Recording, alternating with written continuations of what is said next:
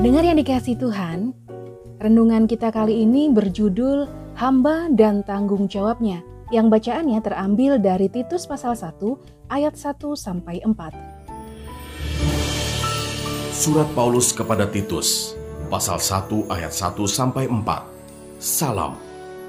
Dari Paulus, hamba Allah dan Rasul Yesus Kristus, untuk memelihara iman orang-orang pilihan Allah dan pengetahuan akan kebenaran seperti yang nampak dalam ibadah kita, dan berdasarkan pengharapan akan hidup yang kekal yang sebelum permulaan zaman sudah dijanjikan oleh Allah yang tidak berdusta, dan yang pada waktu yang dikehendakinya telah menyatakan firman-Nya dalam pemberitaan Injil yang telah dipercayakan kepadaku, sesuai dengan perintah Allah, Juru Selamat kita. Kepada Titus, anakku yang sah menurut iman kita bersama, kasih karunia dan damai sejahtera dari Allah Bapa dan Kristus Yesus, Juru Selamat kita, menyertai engkau.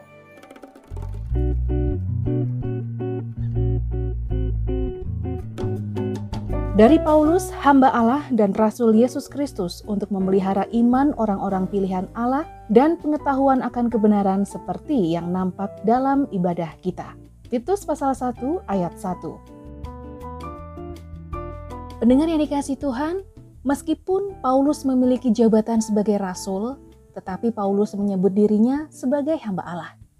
Dalam hal ini Paulus hendak menunjukkan walaupun banyak prestasi yang dilakukannya untuk pengabaran Injil, di hadapan Allah, ia hanyalah seorang hamba dan tidak lebih dari itu.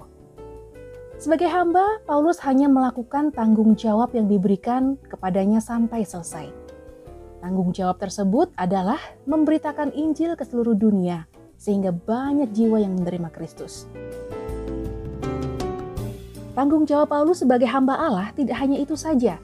Paulus juga diberi tanggung jawab untuk memelihara iman jemaat Tuhan.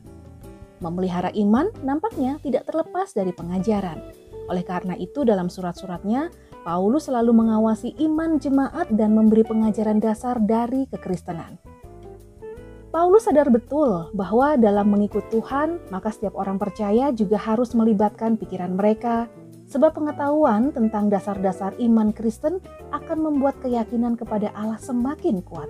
Selain itu, dengan memahami ajaran dasar kekristenan, maka orang percaya akan menggunakan ajaran tersebut sebagai kompas, pedoman. Ketika memutuskan sesuatu dalam kehidupannya, maka keputusannya tersebut hanya berdasarkan kepada kehendak Allah. Ajaran Tuhan akan mempengaruhi kehidupan dan dengan demikian iman akan menjadi bertumbuh.